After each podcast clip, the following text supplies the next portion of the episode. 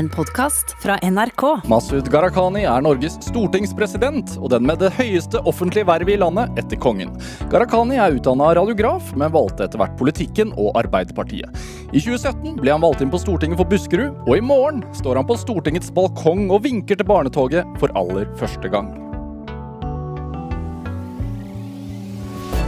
Dette er Drivkraft med Vegard Larsen i NRK P2. Masud Gharahkhani, velkommen til Drivkraft. Veldig hyggelig å være her. Hvordan har du det? Jeg har det bra. Gleder meg. 17. mai. Det Ja. blir stas. Er, er dressen eh, pressa og, og skjorta strøket? Vet du hva?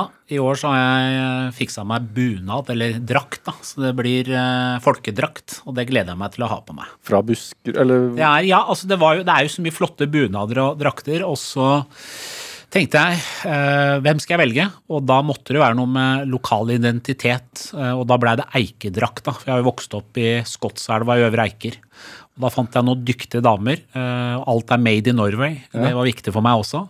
Så det er liksom lokale folk som har drevet med broderi, sølv, og, og nå er det klart til 17. mai. Det blir en debut på 17. mai? Det blir det.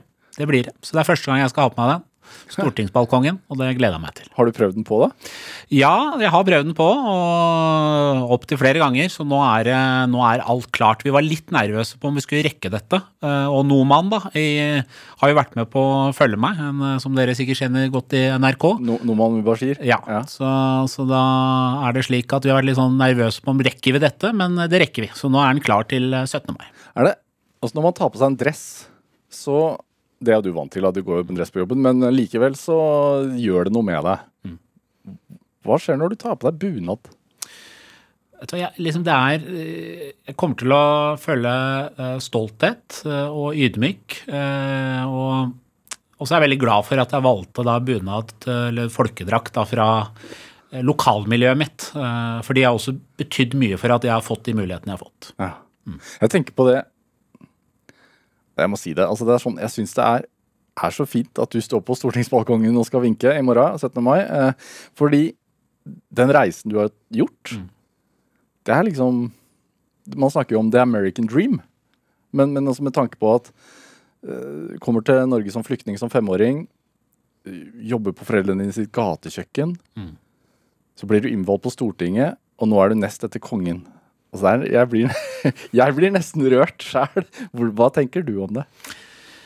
Jeg blir både rørt sjøl, men også forteller det noe om eh, Norge, da. Altså hva slags fantastisk land vi er i, at uavhengig av hva slags bakgrunn du har. Står du på og er en del av demokratiet, så kan du være flyktning og være radiograf og være fra bygda og kunne bli stortingspresident. Og, og mange sier vi er så utrolig stolte av deg og utrolig takknemlige for det, men eh, jeg pleier også å si at vi må være stolt av Norge, da. Det viser hva slags fantastisk land vi er. Men, men, tenk, men tenker du på, på det sjæl? Altså sånn Du er stortingspresident. Ja, altså Du må jo klype deg sjøl, og det gjorde jeg jo, og det gjør jeg fortsatt noen ganger. ikke sant? Det er sånn som når du skulle introdusere, du er liksom nummer to etter, da, etter kongen, da. Men det er jo rollen, da, at eh, Stortinget er demokratiets hjerte. Og dermed så er stortingspresidenten eh, eh, har jo den funksjonen. Eh, og jeg har jo aldri gått rundt og drømt om å bli en stortingspresident. Så tror jeg ikke det er noe sunt eller at folk går rundt og drømmer om å bli stortingspresident. Men eh, utrolig takknemlig og gleder meg til å gå på jobb hver eneste dag. Hva er jobben egentlig? Du, altså, Jeg er jo sånn, står opp veldig tidlig på morgenen, øh, og klokka fem pleier jeg å stå opp. og Da leser jeg litt aviser og lager litt kaffe osv. Sjekker litt media.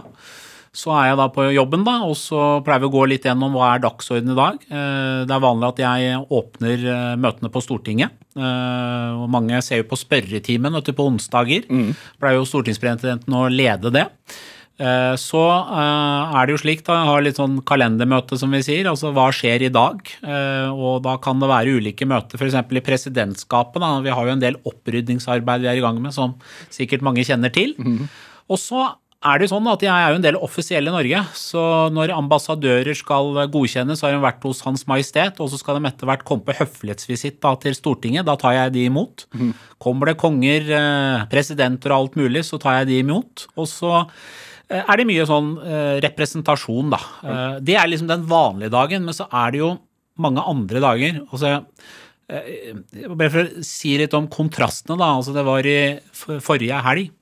så var jeg med på å åpne en kunstutstilling eh, på dagen. eh, også i Vestfossen, da. Eh, og kort tid etterpå så dro jeg til Kiev. Eh, og det er liksom kontrastene. Og sånn er det litt. Det er mye forskjellige hverdager. Det er det. Mm. Hvem er det mest fornemme du har hatt på besøk, da? Eh, altså, det er bare bra folk på besøk. Bare prøve å være litt diplomatisk. Ja. Må man det som stortingspresident? Være diplomatisk? Ja, altså Det er jo slik at eh, det er jo mange besøk du tar imot, og ulike land. Og det er ikke alle de landene Norge deler samme verdi med, det skal jeg si. Men ja. du tar de høflig imot, og så snakker du om det du er opptatt av, de verdiene du står for. da. Og så håper du at det blir lytta godt etter.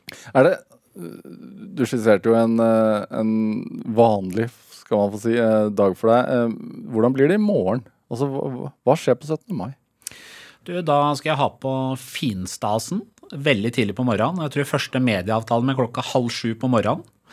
Og så uh, Med går det intervju, Med eller? intervjuer, ja. Ja. ja. Og så går det da slag i slag, og klokka eh, halv ti da, uh, så har jeg da tatt imot ambassadørene fra Norden, for det er tradisjon at vi inviterer de på 17. mai. Til Stortinget? Flott, Ja, de kommer til Stortinget. Ja, Hva gjør dere da? Nei, de er med på feiringa. Altså, jeg tror jeg de, de er nok misunnelige på oss. At vi har noe som heter 17. mai, og folk er ute og koser seg og er finstasen. Sånn er ikke nabolandene våre, vet du, så det skal vi være stolte av at vi har den dagen. Og så skal jeg holde tale da, på Eidsvolls plass. Eh, og etter hvert så går jeg da, og mange medieavtaler imellom der og sånn. Uh, og så blir det inn til Stortinget, uh, stortingsbalkongen, og da kommer jo barnetoget. Og det gleder jeg meg til. Hva skal du snakke om i talen? Du, det blir jo uh, minne om at ja, 17. mai er jo is og kos og finstas og vi feirer sammen, men det ligger jo budskapet om Grunnloven eh, 1814. eh, og at vi er så heldige at vi bor i et demokrati. Det er jo det vi feirer eh, på 17. mai. Så det kommer jeg til å si noen ord om. At eh, vi skal være glad for de som lagde Grunnloven i 1814, men også som har forvaltet demokratiet. Eh, Vi er verdens beste demokrati, eh, og det skal vi være stolte av. Så er det også alvor, da. Eh, Dessverre så er det som skjer nå i eh, Europa og i eh, Ukraina. Eh, Og eh, jeg møtte jo president Zelenskyj eh, forrige helg eh, når jeg var og besøkte Ukraina. De ønsket jo at jeg skulle komme på 8. mai, dagen hvor vi feirer og markerer vår frigjøringsdag. Eh, Og noe av det Zelenskyj sa når jeg inviterte han til å tale i Stortinget, var at eh, jeg kjenner til 17. mai, og i år så vet jeg at det er også veldig mange ukrainske barn som kommer til å gå i toget. Så det kommer jeg også selvfølgelig til å ta inn, at vi er heldige som bor i et eh, fritt og demokratisk land. Eh, alle er ikke det, eh, og demokrati er ikke noe som man, bare er ferdig med. Det er noe man må kjempe for hver eneste dag. Hva tenker du, det er jo Hvert år så er det sånn flaggdebatt. Hva tenker du om det? Vet du hva, jeg syns eh, 17. mai eh, for meg eh, er jo å feire vårt flotte land og norske flagget.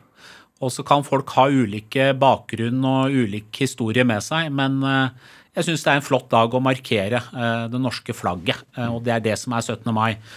Og så skal ikke jeg blande meg så mye inn i den debatten eh, hva de ulike 17. mai-komiteene gjør. Det blir liksom litt opp til de, men sånn tenker jeg at uansett hva slags bagasje du har med deg, så er vi alle eh, i Norge nordmenn, eh, og vi feirer vårt flotte land og er takknemlige for det demokratiet vi lever i. Må du være som stortingspresident litt mer forsiktig med utspillene dine enn som bare ren Arbeiderpartipolitiker?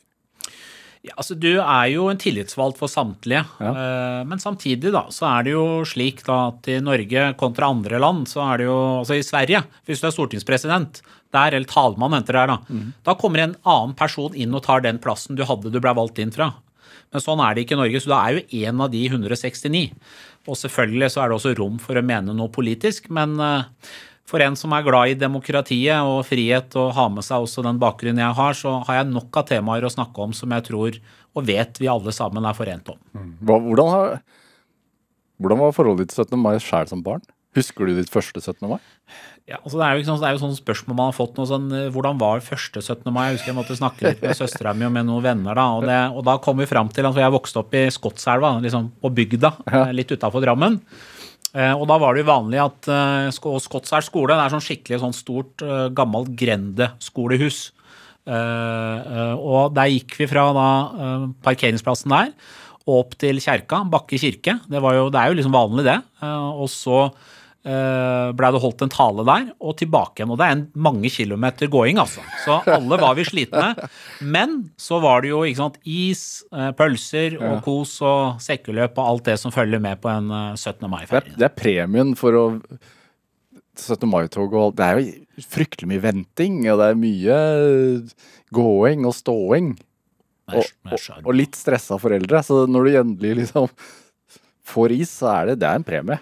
Det er premie, vet du. Det er premie. Og få litt energien opp igjen nå. Ja. Ja. Blei det sånn ble, Var det blauta pølse på 17. mai? det- Nei, det var ikke så mye blauta pølse, men det ble mye pølser, da. Det ble det. For det var vanlig at vi var da i Skotselv og var med på barnetoget og alt det. Og så etter hvert så dro vi til Drammen, da. For vi hadde noen eh, venner der og familie der, og da ble det enda mer pølser og is. Ja. er det, hva er blauta pølse? Du, blauta pølsebrød, eh, det betyr at du koker jo da pølser i sånn vanlig Ja, du koker det, og så har du, har du buljong oppi. Ja. Så derfor så får jo da dette pølsevannet skikkelig smak. Og så uh, dypper du da pølsebrød, men du må huske på at det er ikke sånn vanlig sånn fislete små brød. Det er sånn skikkelig rundstykker. Aulis rundstykker, de som kommer fra det området jeg Som opp i. Så tar du, tar du trekker det oppi, helt riktig, og så da har du pølsene oppi med rekesalat og ketsjup og sennep. Nei, nei, nei. Og det blir så godt. Det høres så rart ut, men når du har prøvd det, så ja. Men jeg må innrømme at hjemme hos oss er det bare jeg som liker det også, så jeg skjønner at det er Du må ha vokst opp med det for å være, være litt der. Holder med én. Ja, jeg pleier å ta flere, jeg, altså. Ja. Dette er Drivkraft med Vegard Larsen i NRK P2.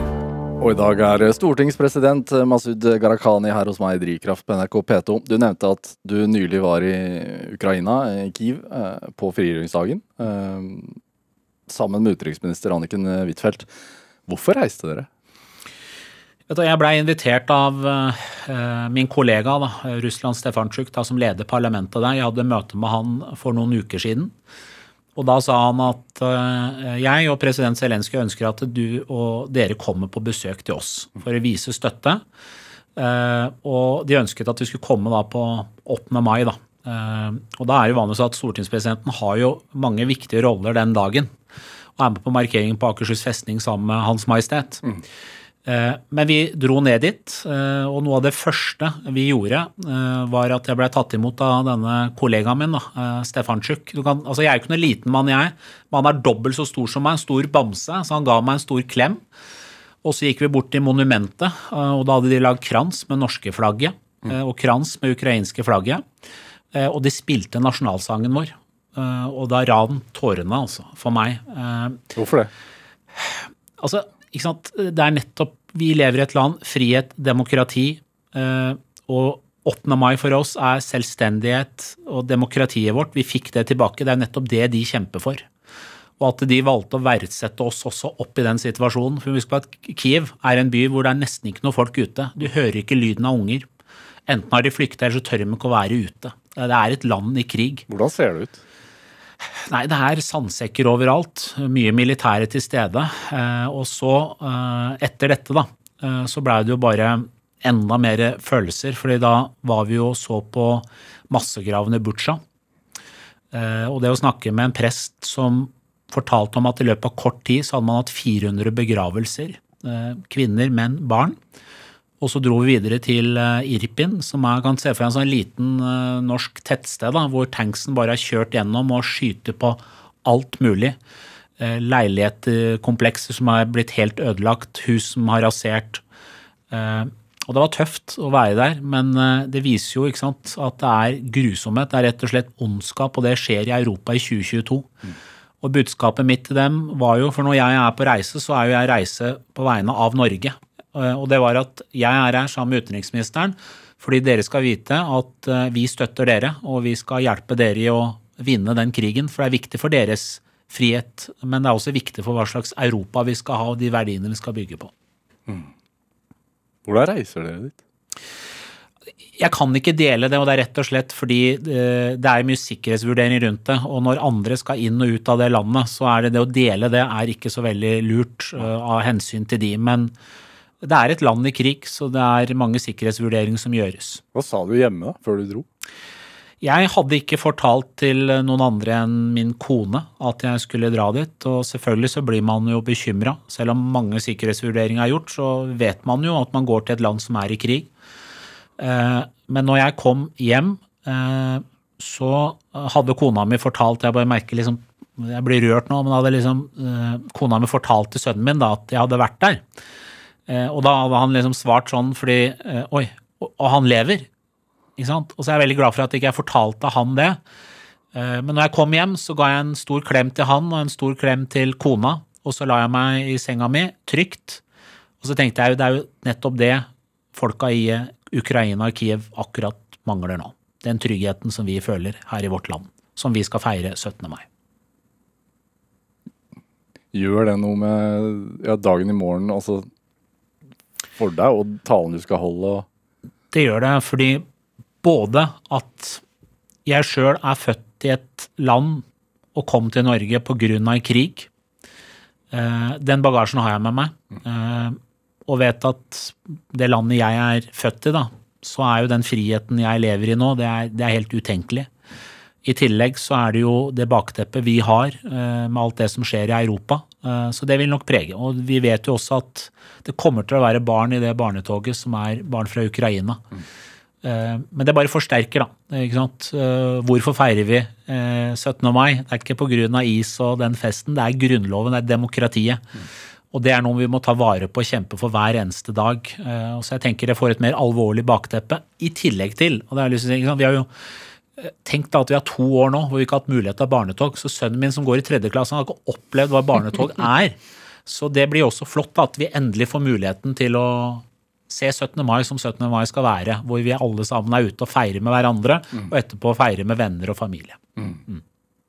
Hm. Er det Du møtte jo Zelinskyj hva slags mann møtte deg? Det, som gjorde veldig inntrykk på meg, var at jeg tror alle vi som liksom følger med, ser hvordan man klarer å jobbe under de forholdene de har nå.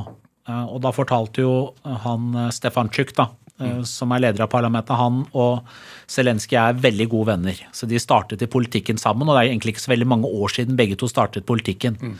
Og han sa at når vi fikk beskjed om at vi ble angrepet av russerne, så samlet president Zelenskyj lederskapet og sa at uh, mange vil nok si til meg at nå må du flykte og komme over til et eller annet trygt grense et annet land. Jeg kommer til å være her til siste eliten, om det trengs. Og det var et sånt budskap. Og det jeg merka der nede, det er at du har et lederskap hvor man står sammen. For vi må huske på at også det området jeg fortalte deg, som Irpin, da, mm. Eh, de hadde jo ikke så mange soldater til stede der, men det var bare at folk stilte opp. Og så klarte de å slå russerne tilbake. Så det er den der heltmodigheten du ser i Ukraina, er veldig unikt. Eh, og det ser du også når de møter disse lederne, hvor enige de er. Eh, både på en måte vi er takknemlige, men det er dette vi trenger for å vinne vår frihet og demokrati.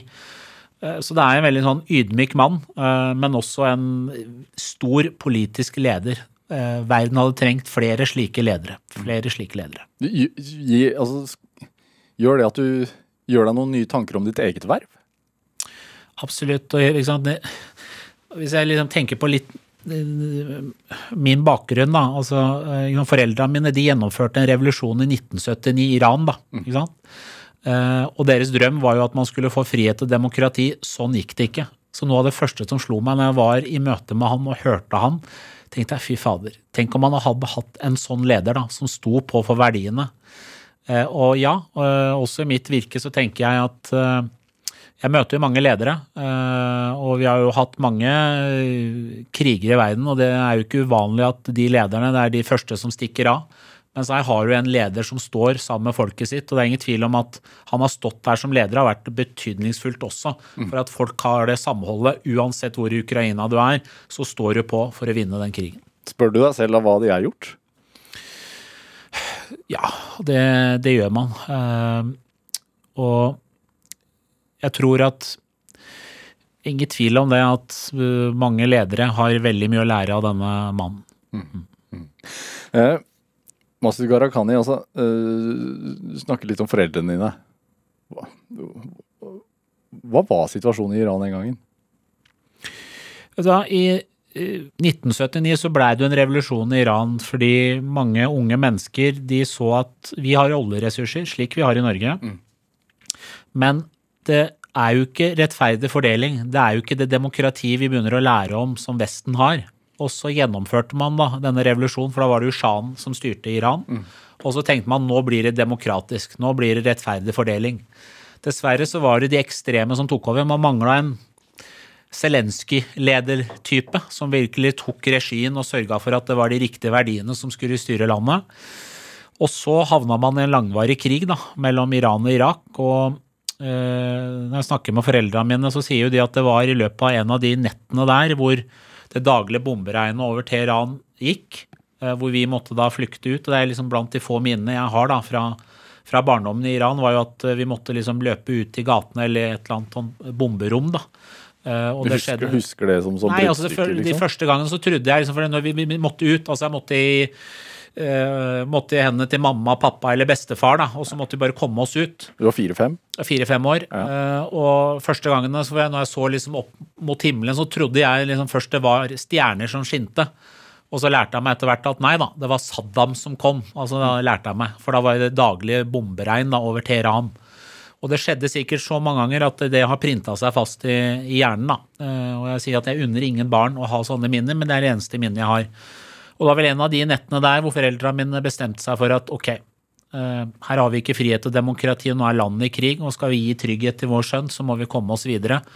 Og da startet vår flukt, som da endte opp da i Lille Skotselva i Øvre Eike kommune, hvor jeg vokste opp. Hvem var moren og faren din i Iran? Mamma og pappa de var uh, unge mennesker, Uh, naboer som hadde funnet kjærligheten og, og gifta seg. Og ja, som jeg nevnte, var med på å gjennomføre revolusjon for de trodde det skulle bli demokratisk og rettferdig fordeling. Blei lurt, som veldig mange eh, opplevde, og fortsatt opplever at de blei. Eh, og de prøvde å få livet til å gå rundt, men eh, tenkte at ok, vi fikk ikke den friheten i vårt eget land, eh, og vi ser at eh, det er utrygt der. Det er ikke framtidsmuligheter for vår sønn, og da tok de den reisen. Har du familie i Iran ennå? Eh, bestemor. Bestemor. Ja. Som, som lever? Hun lever, og øh, øh, jeg fikk jo eh, muligheten til å øh, være i Iran for ja, fem år siden. Da døde bestefar. en mann som betydde veldig mye for meg, og jeg lovte bestefar at jeg skulle ta vare på bestemor. Dessverre så har jeg ikke hatt muligheten til å besøke henne. Og av at jeg er den jeg er, eh, så kommer det nok ikke, heller ikke til å være mulighet for meg til å se henne. Eh, Så den måten jeg har kontakt med henne på, er gjennom FaceTime, da, at vi snakkes. Og når jeg sier at eh, jeg har stor my mye glede da, gjennom den jobben jeg har, men hver dag så opplever jeg også det er mye følelser i det. Fordi jeg veit hva mangel på demokrati og frihet er. Mm. Det at du ikke har muligheten til å være med mennesker du er utrolig glad i pga. mangel på den friheten og demokratiet, det, ja, det har jeg også med meg hver dag. Så det er noen ganger hvor jeg bare må liksom ta meg en tur i marka, og, og tårene kommer pga. det. Eh, Men det er dessverre en urettferdig verden vi lever i. Hvem var bestefaren din, da? Bestefar, en flott mann. Eh, Hva het han? Eh, han het Seifi, da. Eh, og eh, han var en jernbanemann eh, som reiste rundt eh, i Iran og bygde jernbane under sjahen. Skikkelig rojalist. Skjønte aldri hva disse unge folka, hvorfor de ville ha en revolusjon. Og så eh, skjønte jeg aldri en historie, men han hadde ikke en far rundt seg, da, så han var vokst opp med eh, alenemor. Eh, og fra 13-14-årsalderen så han måtte begynne å jobbe, så derfor så han kom til Teheran og vært hos familien der. Mora hadde gått bort. Og det var sånn at for bestefar ikke Han jo Han har eh, fem døtre, da. Eh, og for eh, han, eh, på den tida der, så var det jo vanlig at for at kvinner skulle ha selvstendighet, så skulle de gifte seg. Men det var ikke sånn bestefar ville ha det. Bestefar var mer opptatt av det, at de skulle få seg utdanning, stå på egne bein. Det var det viktigste. Så han var veldig sånn likestillingsmann. Ja. Kontrær i samfunnet, da. Ja, altså han var, sant, han var veldig Ja, var det, og det var jo sikkert hans historie, at han hadde liksom hatt en mor som var alene, som, som Han hadde jo sett hvor viktig det var. Eh, og så husker jeg da når det etter hvert han, De blei jo igjen. De ville jo ikke flykte selv om det var et helvete i Iran. så var det liksom, Det var landet hans. Han ville ikke dra. Men når krigen tok slutt, så kom hun på besøk til Norge. Uh, og jeg har blitt liksom spurt om uh, Jeg har jo vokst opp i Misjonskjerka i Øvre Eiker, selv om jeg er muslim. Eh, og fortalt liksom hvordan er ditt forhold til Gud og, og religion. Og jeg sier at jeg har vært flere ganger i kjerka enn jeg har vært i en moské.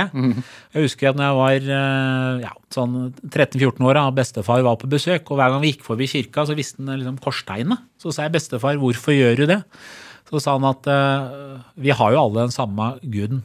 Eh, og det er ikke liksom hva du spiser eller hva du drikker som avgjør eh, om du er en god eller dårlig muslim. Det er liksom hvordan du lever livet. og Medmenneskelighet og nestekjærlighet. Eh, Og det har jeg tenkt mye på eh, liksom i livet mitt. at ja, det er helt riktig. Det er jo det det handler om. Og det har man jo til felles uansett hva slags religion man tilhører. Du, du sa du hadde lært mye av han. Er det en av de tingene? Ja. Ja. Det og likestilling. ja. Det og likestilling. Er det Snakker du Snakket du tidlig med foreldrene dine om, om den reisen? Og det valget? Ja, altså vi, vi eh, Selvfølgelig. eh, Jeg var jo alltid nysgjerrig, da. eh, Og blei jo mer og mer det. Når begynner man å bli nysgjerrig? Jeg tror liksom sånn, liksom Foreldrene mine fortalte alltid om historiene, hvordan det var i Iran. og noe av det som på en måte jeg var interessert i, liksom, hvordan var det i Iran? da, ikke sant? Så jeg, jeg lærte om det, jeg hørte om det. Jeg hadde jo kontakt med besteforeldrene mine ikke sant, på telefon før liksom, dette var Etter hvert så kom jo de på besøk til, til Norge. Men så var det også det spørsmålet som jeg ofte stilte meg. Men øh, mamma, du sier også at, og pappa at Iran har masse olje. Det har vi også i Norge. Eh, da lærte jeg meg at ja, oljeressurser betyr ikke automatisk velstand og velferdsstat. Det er jo hvordan du får, velger å forvalte det. Så var den nysgjerrigheten da, i det. Som også gjorde Nå skal ikke dette være sånn kjempepolitisk samtale vi har, men, men det gjorde også at, som jeg alltid har sagt, det er liksom en samfunnsmodell, eh, og hvordan vi har i Norge. Det var liksom der på en måte mitt politiske engasjement kom inn. da. Er det? Jeg bare tenker selv også, du, du var fem år da dere kom hit. Jeg har en fireåring selv. Jeg bare tenker så, Det å ta med barna og flykte til hvis jeg, hvis, hvis jeg skulle ha tatt med barna, kone, barn og flykte til Teheran, da. Mm. Det er en ganske stor overgang. Hva, hvordan var det for dem? Nei, altså Det var jo en uh, tøff reise. Vi var jo i Istanbul i flere måneder uh, først. da, For det var jo den veien du måtte når du kom ut av Iran. og Da var det vanlig å komme til Tyrkia. Eh, og man hadde med seg penger, uh, og så tenkte man at dette holder. Pengene blei borte. Eh, det kosta. Og så var det på en tid at hvis vi blei tatt, så kunne vi bli tvangssendt tilbake med de fatale konsekvensene det kunne få. Hvem kunne ta dere? Nei, altså der var det sånn at der kunne bli tatt av politiet i Tyrkia. Eh, og liksom, hvorfor er dere her? Og hvis du ikke da hadde godkjent papirer, og det hadde vi jo ikke, man hadde jo bare liksom kommet seg ut av Iran, så kunne man bli tatt og tvangssendt. Så vi var jo ikke så veldig mye ute, men pappa var jo det for liksom, hvordan skal vi komme oss videre? Og når du bodde i sånne leilighetskomplekser som du da egentlig bodde ulovlig, da, så betalte alt var mye, alt var mye dyrere. Og jeg var veldig mye syk, men de turte ikke å ta med meg til lege, for liksom ville legen da rapportere dette videre og, og alt det. Så pengene fløy unna. Uh, og som jeg fortalte også når jeg eh, ble valgt som stortingspresident, er at mine foreldre kom til Norge med én dollar eh, i lomma. Eh, eh, Og det er ikke noe overdrivelse? det er ikke overdrivelse. Og det var Valget var da å komme til Norge eller vente litt til for at familien i USA, for vi har veldig mye familie i USA, skulle liksom prøve å eh, få oss dit. Og noen av de hadde jo sendt penger, men det var jo ikke, vi hadde jo ikke, det var jo ikke Vips, det var jo ikke FaceTime og alt det, og pengene ble borte, kom aldri fram. Og da tenkte foreldrene vet du hva, nå åpna det seg mulighet til å gå til, komme seg til Norge. og Nå tør vi ikke å vente en uke til. Og da ble liksom valget Norge da, og ikke USA. Tenker du at de gjorde et offer for deres skyld? Altså for For min skyld, Ja. helt klart. Altså, de ga jo fra seg alt det de hadde av tilknytning og familie. Og, og, men det er jo ikke sånn når jeg snakker med de om dette, så er det Det var en av de nettene der, og bomberegnet var over, at de tenkte vet du hva, vi er glad i det landet vi er født i. Mm. Det er her vi har mor og far og våre nærmeste, men skal vi få det vi trodde vi skulle få etter revolusjonen som vi ikke har fått i dette landet her, og skal vi gi trygghet til sønnen vår, så må vi komme oss videre. Så jeg er utrolig takknemlig for de valgene de tok, og det er ingen tvil om det at både det valget med å ta den tøffe reisen eh, og komme til Norge, men også at de alltid har vært avgjørende for at jeg også har kommet dit jeg har kommet. Ingen tvil om det. Jeg har, hatt, jeg har flotte foreldre som, som alltid har vært der for meg. Det var, mamma er sånn skikkelig, hun var skikkelig disiplin. Det er jeg. Eh, Hva vil det si? Nei, det vil si, altså, mamma var Jo, men det, det har jo også noe med historien deres, da. Fordi deres drøm var jo å ta utdanning. Så stengte jo eh, universitetene når revolusjonen skjedde. For det var liksom farlig at folk skulle få utdanning, ikke sant. Eh, Så for dem så var det veldig viktig når jeg kom til Norge, det er at liksom, Masud, du kan drive med hva du vil, men det er viktig at du tar deg utdanning. Så det var, liksom, det var sånn disiplin. Gjøre leksene, passe på, alt det. Men det var alltid frihet under ansvar. Altså, det var det. Eh, Men støtte opp. eh, Og, liksom, og nå er vi i Norge, nå må vi bli en del av det norske samfunnet. Alt det var viktig for de. Eh, Og det var også avgjørende for at vi fikk vennene våre, og at jeg blei en del av lokalsamfunnet fort. eh, Og har klart meg så godt som jeg har klart meg i det norske samfunnet. Mm, og faren din er en ganske driftig fyr, han òg. Altså, mer i politikken og Ja, det var han som begynte i politikken først. eh, og han var sånn listefyll, som han heter. da. Du, du sier ja til så langt ned på en sånn kommunestyreliste, men han er sånn tar en tur i butikken med han, så blir du aldri ferdig. Han kjenner alle og snakker med alle. Det spiller ingen rolle hva slags politisk farge de har, så liker de han Bijan, da. Så jeg sier Bijan. Eh, mange tenker på at vi er brødre, liksom, når vi er sammen, men så han er en Han holder seg godt, da, er det han det du holder sier? seg godt, han Ja. bank i bordet. Han holder seg godt. Ja. Og, og, ja kjempe, kjempeengasjert ildsjel og er med på alt. Ja. Um, Masud, uh, vi skal spille litt musikk. Ja. Du, du har med en Tina Turner-låt. ja. Jeg er veldig glad i Tina Turner. Jeg har bare liksom alltid likt henne. eh, Det best. Jeg får liksom litt sånn kickstart på å høre på det på morgenen. Hvor ofte hører du på dette her? Nesten hver dag. Jeg gjør det også. Det er litt sånn eh, Ta rutiner. Ta på deg dressen. Ta på meg dressen, og så AirPods. Da. Det er litt tidlig, så det er ikke sikkert alle har våkna opp ennå her hjemme. Og da hører jeg litt på Tina Turner, og så får jeg litt schwung på dagen.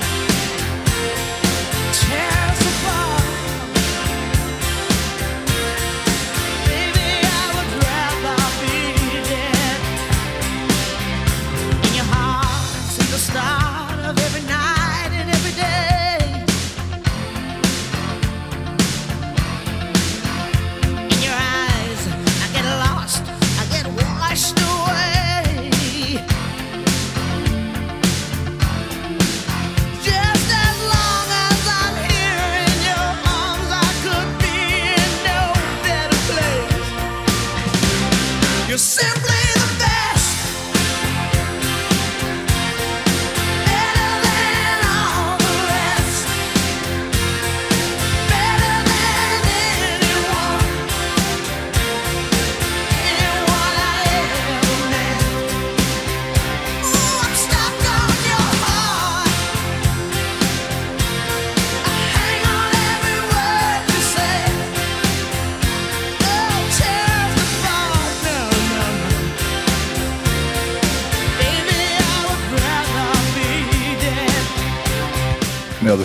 Tina Turner eh, med det best her i Drivkraft på NRK P2, valgt av dagens gjest her i Drivkraft, nemlig Norges stortingspresident Masud Gharahkhani.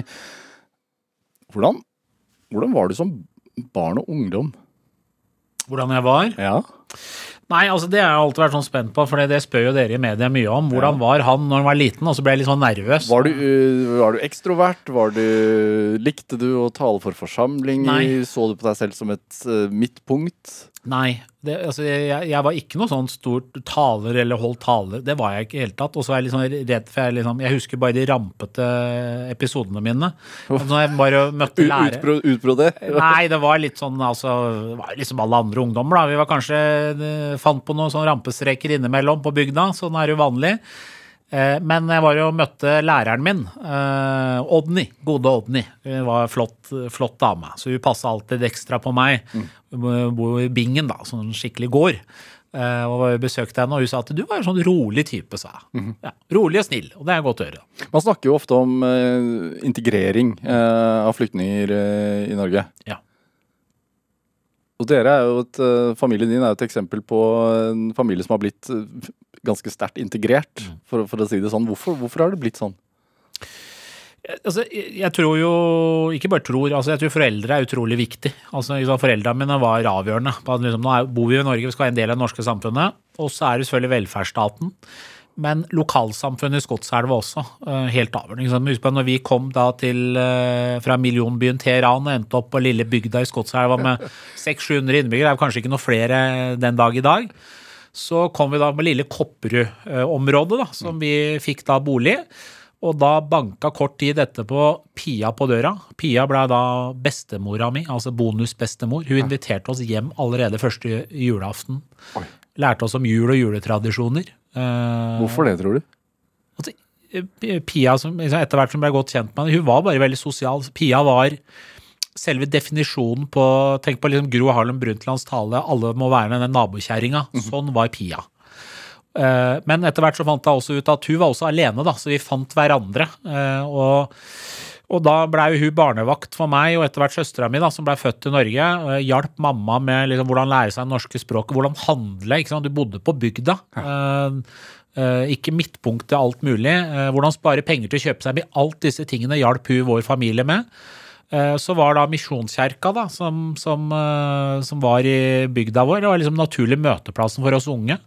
Så der spilte vi ping-pong og hadde det morsomt, og jeg lærte om Jesus og Bibelen og, og disse tingene. Eh, og spilte fotball på Bakke IF. Eh, ble kalt for Lille Maradona, tro det eller ei. Men det var mest på grunn av at jeg, har, jeg var litt rund og hadde en sånn eksotisk utfarge, Da. Men jeg kan leve på at det var litt fotballferdigheter òg. Men det, men det jeg husker veldig, veldig godt, da, og det har jeg snakket mye om, det er sånn integrering, det er at jeg blei fort Hamasut fra Kopperudsvingen, hvor jeg bodde. Ikke han maset fra Iran eller Teheran. Det var ingen som stilte spørsmål hvorfor er Masud her i Misjonskjerka, fordi han er muslim. Uh, hvor er det du egentlig kommer fra? Altså, de spørsmåla var ikke der i det hele tatt i oppveksten min i Skotshaugen. Jeg var på en måte som alle andre, og det var helt avgjørende for at jeg blei så godt integrert, og min familie blei så godt integrert. da. Hva, hva lærer man om, uh, om folk og fe når man jobber på gatekjøkken? Nei, det er, du møter på veldig mange interessante folk, det gjør du. Eh, og for de av oss som har hatt eh, muligheten til å, kanskje når det blir litt seint utpå kvelden, eh, og folk skal ha seg en kebab, så, så, så blir man veldig artig, for å si det sånn. Men eh, Tro meg sjæl, i hvert fall. ja, tror man sjæl. Men jeg pleier å spøke litt med at du er ikke ordentlig innvandrer før du har jobba på gatekjøkken. Altså, det har jeg gjort, jeg også. Hvor lenge da? Nei, altså jeg hjalp til. Altså Ja, foreldrene mine. Eh, og vi hadde noen familie også i, i, i Drammen da, som drev det, og det hjalp vi litt tid. Ja. For eksempel eh, etter hvert som jeg var litt voksen, da, så var det ikke uvanlig på 17. mai at jeg hjalp litt til på å servere softis. da. Så gjorde jeg. Og da gikk det mye softis, husker jeg. Med forskjellige strø og alt mulig. Ja. Ja. Inn i deg òg? Det gjorde jeg også. Det var jo litt av, det var litt av dealen, da. Hvis man skulle hjelpe til på 17. mai, så skulle man spise så mye is man ville sjøl òg. Ja. Du har prøvd å bli ordfører i Drammen. Ja. Hvordan er det ikke, at du ikke ble det? Nei, selvfølgelig, altså Jeg tror alle som har stilt til et valg og ikke har uh, oppnådd det, man blir jo skuffa. Ja. Men så tenker jeg at det er jo mye man lærer seg uh, gjennom å ikke oppnå akkurat ting man uh, håpet på å oppnå. Eh, og så er det vel kanskje alltid skjebne i livet, da. Uh, nå er jeg stortingspresident. Men er det Hvorfor var det et ønske en gang i tiden? Nei, Fordi jeg er jo veldig glad i Drammen. Jeg bor jo i Drammen nå, og jeg er veldig glad i den kommunen, og det er jeg. Og, og ønsket å være med i lokalpolitikken for å, for å gjøre en forskjell. Da. Uh, og veldig glad for at jeg fikk en del år i kommunepolitikken før jeg kom inn i Stortinget. Hva er den store forskjellen?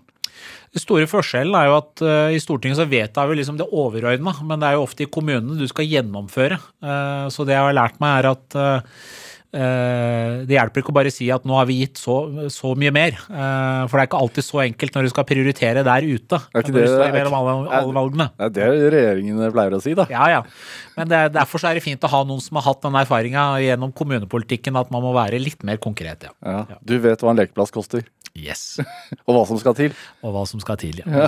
Men du, men du møter på altså det er, sant, det er takknemlig. Du møter på så mye bra folk. Du lærer du lærer å liksom kjenne lokalsamfunnet, og det er liksom veldig verdifullt å ha med seg. Ja. Hvor sterkt konkurranseinstinkt har du? Eh, jeg tror jeg er mer sånn at eh, jeg gjør ting jeg trives med. Det er litt sånn jeg er. Eh, så det, jeg tror så det er ikke liksom sånn eh, konkurranse, konkurranse, konkurranse. Nei, eh, det handler om å trives med det du gjør. Det er litt der jeg er. Hva er det du trives best med, da? Utafor politikken? Nei, utafor politikken så uh, er veldig Altså, familien er jo viktig for meg, selvfølgelig. Uh, og det å prøve å få tid sammen i en hektisk hverdag er krevende noen ganger. Men eh, søndager er eh, stort sett hellig da, hjemme hos oss. Da pleier storfamilien å samles. Og, og når vi går i sånn godværstider som nå, så er det liksom persisk mat og grilling og alt det. Eh, og persisk ris, det er helt vidunderlig. Det er ikke angått bens, det. Og så er det da å få litt sånn kvalitetstid for meg sjøl, det er å gå tur i marka. Det er jeg veldig glad i. Det er liksom der jeg får roa ned, og, og både bra for kroppen og sjelen. Hva er persisk ris? Persisk ris, det er jo for det første er det jo Altså, ris kommer jo fra Persia, da, så det er liksom helt annet enn der Uncle Benz-risen. Ja, for det står persisk Eller det står, Eller iransk, da. ja, Iransk, ja. det står ikke persisk ris på den, men det Nei, det er hvordan du lager den Ja. også, er veldig viktig. Og det er Uh, altså Det som er unikt med det, er jo at du har safran oppi, så du har både duften og smaken av safran. I tillegg, da, så er det sånn crispy bunn, så det blir en sånn eh, riskake. Altså, du steker den? Eh, nei, altså du koker jo risen som vanlig, Ja. og så når den er ferdig kokt, så er det sånn helt på tampen da, eh, så eh, har du da Du tar jo risen ut, da, ikke sant? Ja. Og så i, i kjelen så har du da Du kan bruke faktisk eh, bestemors flatbrød. Et tips, da. Det gjør mamma. Så det er liksom integreringsprosessen. Så har du den i bunn. Flatt, selve Ja, flatbrød? selve flatbrød. Så har du den i bunn med litt olje, og så tar du risen da oppå der igjen, og så lar hun da eh, småkoke litt til. Dette er uten vann, da. Nå. Ja, I kjelen. I kjelen. i kjelen. Og da kan du, og når du har hatt det og Nå snakker jeg som om dette er så enkelt, men jeg klarer ikke å få til. Mutter'n må gjøre dette, og kona må gjøre dette. Så etter hvert så snur hun opp ned. Ja. og da får du en sånn, eh, sånn riskake med crispy eh, bunn, da, som blir på toppen. Og den lukter safran og smaker helt vidunderlig. Det er ikke på kjøkkenet. så da, det, men det jeg har ansvaret for, da, Ja. jeg og fatter'n, det er da det vi skal ha ved siden av. Som Ja. i disse tider, i hvert fall. Ja.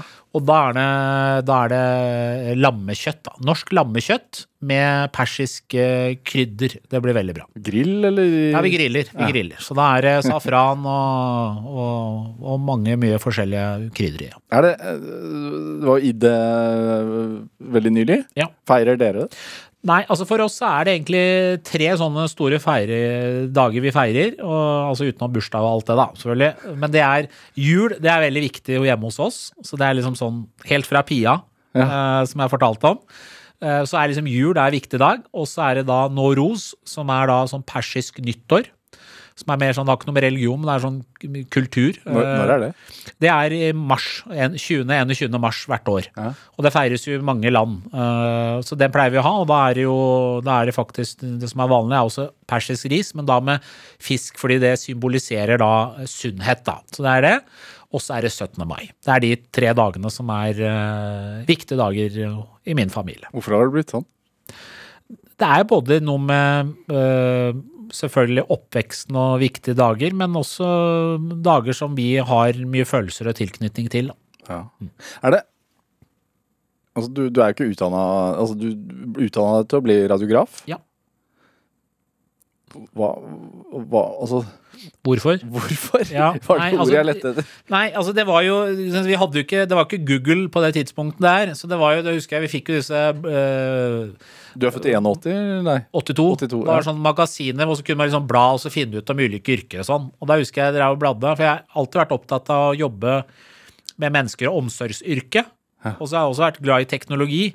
Og så plutselig kom jeg over Oi, radiograf, det betydde at du er liksom sykepleier, men i tillegg så tar du røntgenbilder, MR, CT og alt det. Altså, det er spennende. Jeg kjente ikke så mye til det.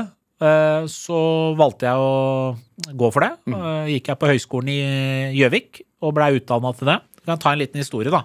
Hvis det, hvis det Ja, ja, ja. Og når jeg var ferdig utdanna radiograf, på det tidspunktet så utdanna de så mange radiografer at det blei litt vanskelig å få jobb da, i Drammensområdet som jeg kom fra, som jeg egentlig hadde ønsket meg jobb. Så da fikk jeg jobb på Rjukan sykehus.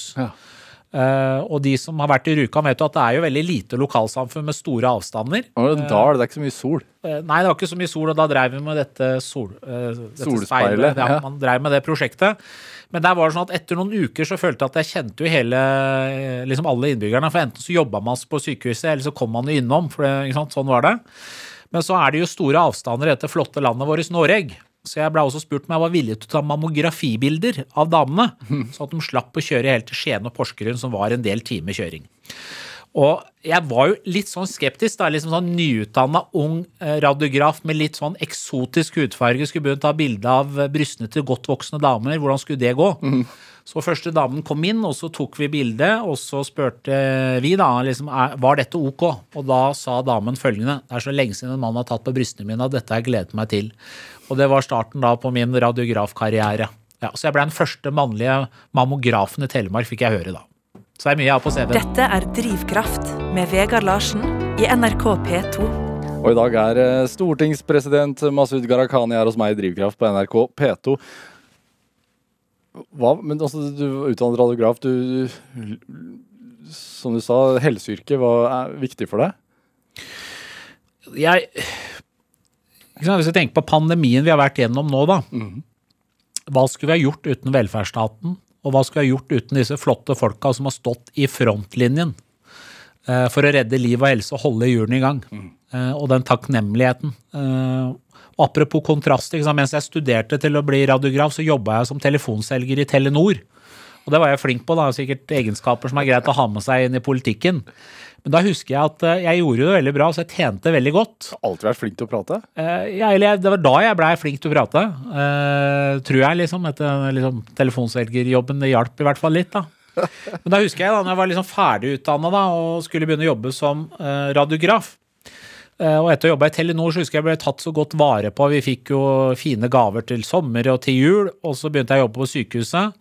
Eh, og det var ikke så stor lønnsforskjell mellom den lille prosenten jeg hadde som telefonselger i Telenor, og det jeg fikk i 100 i jobb som radiograf. Men ikke bare det. Da var det sånn at det var så dårlig råd, så man kunne ikke få denne refleksen til sommergave eller julegave, husker jeg. Så tenkte jeg vet du, vi må ta litt bedre vare på de flotte folka som jobber i helsevesenet vårt. Og jeg tenker Gjennom pandemien så har vi alle tenkt på velferdsstaten, men det er liksom bare forsterka hvor viktig det er å være takknemlig for de folka som jobber hver eneste dag ute i felt. da. Blir det godt nok ta- tatt vare på nå, da? Jeg mener i hvert fall at eh, det, er viktig å satse på de eh, i tiden fremover. Er det Hvordan får man en sånn telefonkunde på kroken? Nei, altså det var jo mye forskjellig. Jeg husker noen telefoner jeg tok, var jo, dette var jo helt i begynnelsen av hvor folk hadde begynt å eh, Altså noen huska fortsatt gode gamle Televerket. Så, så de opplevde at man hadde blitt eh, en eller annen fra et annet selskap hadde ringt. Eh, og de hadde sagt ja, og da var det noen godt voksne mennesker da, som ikke likte at da fikk de to regninger. Så når jeg bare sa Telenor, hva er det? Så sa jeg Telenor er det gode gamle Televerket. Så holdt det. Da ville de bare tilbake igjen. så det var de. Og så var det litt mer krevende kunder, da, men da var det å gi dem en god, god avtale. Så kom de tilbake. Er det når man hvor- hvor gammel var du da da du meldte deg inn i Ap og Da var jeg vel eh, 20, eh, 20 Ja, 21 år. Ja. Ja. Det var det siste året på høyskolen jeg meldte meg inn i AUF. Ja. Hvordan begynner man en sånn karriere, og, og, og også etter hvert så klatre såpass på stigen?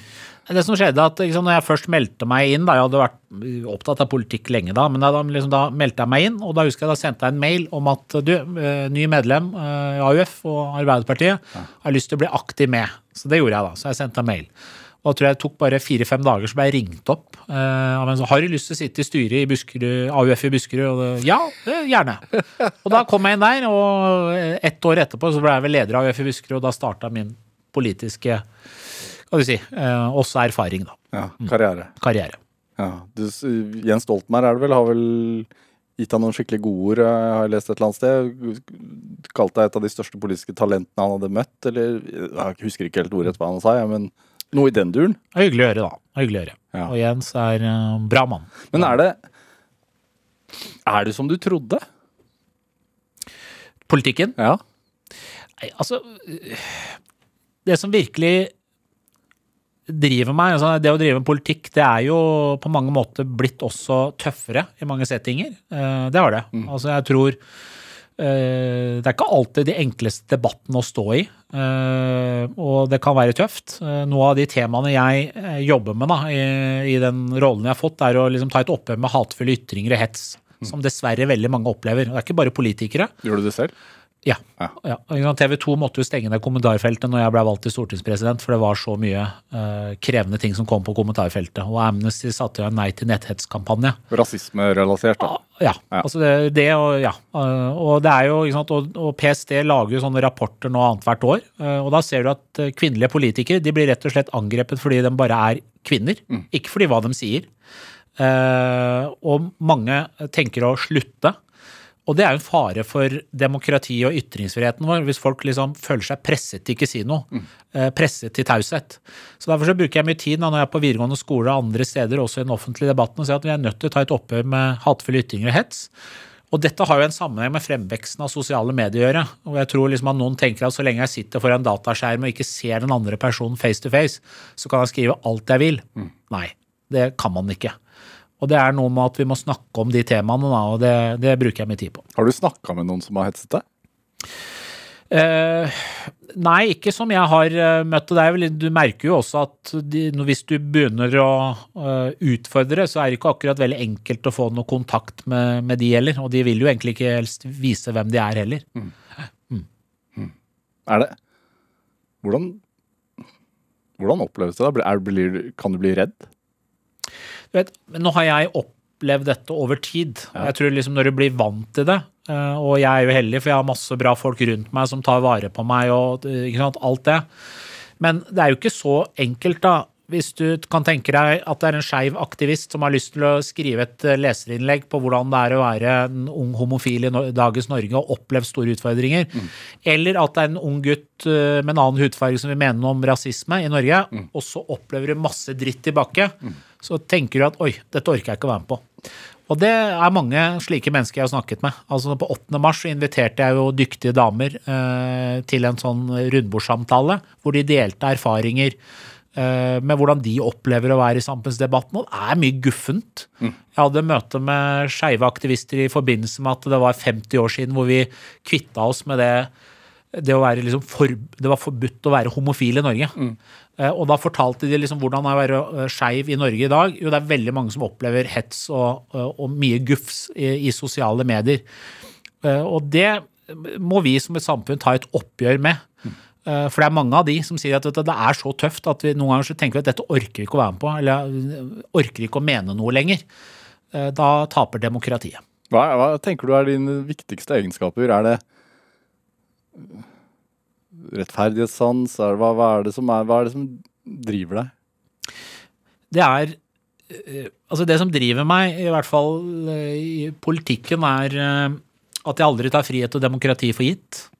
Fordi jeg har den bakgrunnen med meg, Ja. og har det som en påminnelse i livet mitt hver eneste dag. Og så er det menneskene jeg møter. Altså, i min rolle så møter jeg mange flotte mennesker som deler veldig mye med meg, og jeg husker jeg var i besøk til Sagatun og et lavterskeltilbud eh, for folk som sliter med rus. Eh, og da var det ei som fortalte at hun hadde slitt lenge. Eh, og endelig så hadde hun fått opp motet til å komme til dette, dette tilbudet, da, oppsøke hjelp. Hun kom inn, og så så hun ingen. Og så snudde hun seg på hva på vei ut, for det var, det var jo liksom tøft å bare komme inn der. Men da hører jeg lyden av en som sier 'Hei, det er Carl, kan jeg hjelpe deg?' Så sa hun til meg at hadde det ikke vært for den setninga, så hadde jeg kanskje gått hjem og tatt livet mitt. Og det er ganske? Det er, det, Da deler du veldig mye med meg, men for henne så var det viktig å fortelle hvor viktig dette tilbudet var, og hvor hvordan hun verdsatte at jeg kom dit og var takknemlig for den jobben de gjorde der. Alle de flotte folka som jobba der, alle de frivillige. Så det som driver meg, er at jeg får mulighet til å møte så mye fantastiske folk, og jeg kan gi dem en anerkjennelse, og da klarer jeg å stå opp fem om morgenen og holde på til seint utpå kvelden, fordi det gir meg så mye glede i hverdagen og energi. Det, Stortinget har jo fått en del pepper de siste årene. Føler du at det er rydda opp i? Føler du at det er tilbake der det skal være? Altså, for det første så er det lyst til å si at det har vært mange utfordringer, og det er vi i gang med da, på de opprydningsprosessene. Altså både åpenhet om ting og undersøke ting og veien videre med ordninger. Det, det er vi godt i gang med, og det tror jeg alle ser, og det er tilbakemeldinger jeg får, at vi er veldig takknemlige for at vi har tatt tak i det. Så har jeg også lyst til å legge til at vi er heldige at vi bor i et land hvor vi har et velfungerende demokrati. Eh, Og at vi, selv om vi tilhører ulike politiske partier, så kan vi jobbe i krisetid. Det har vi gjort under pandemien. Det ser vi nå med Ukraina-krigen, hvordan Norge stiller opp, og vi er tverrpolitisk enige om det. Og vet du hva, jeg reiser så mye rundt i Europa at du trenger ikke komme så langt utafor våre grenser hvor det ikke er gjeldende.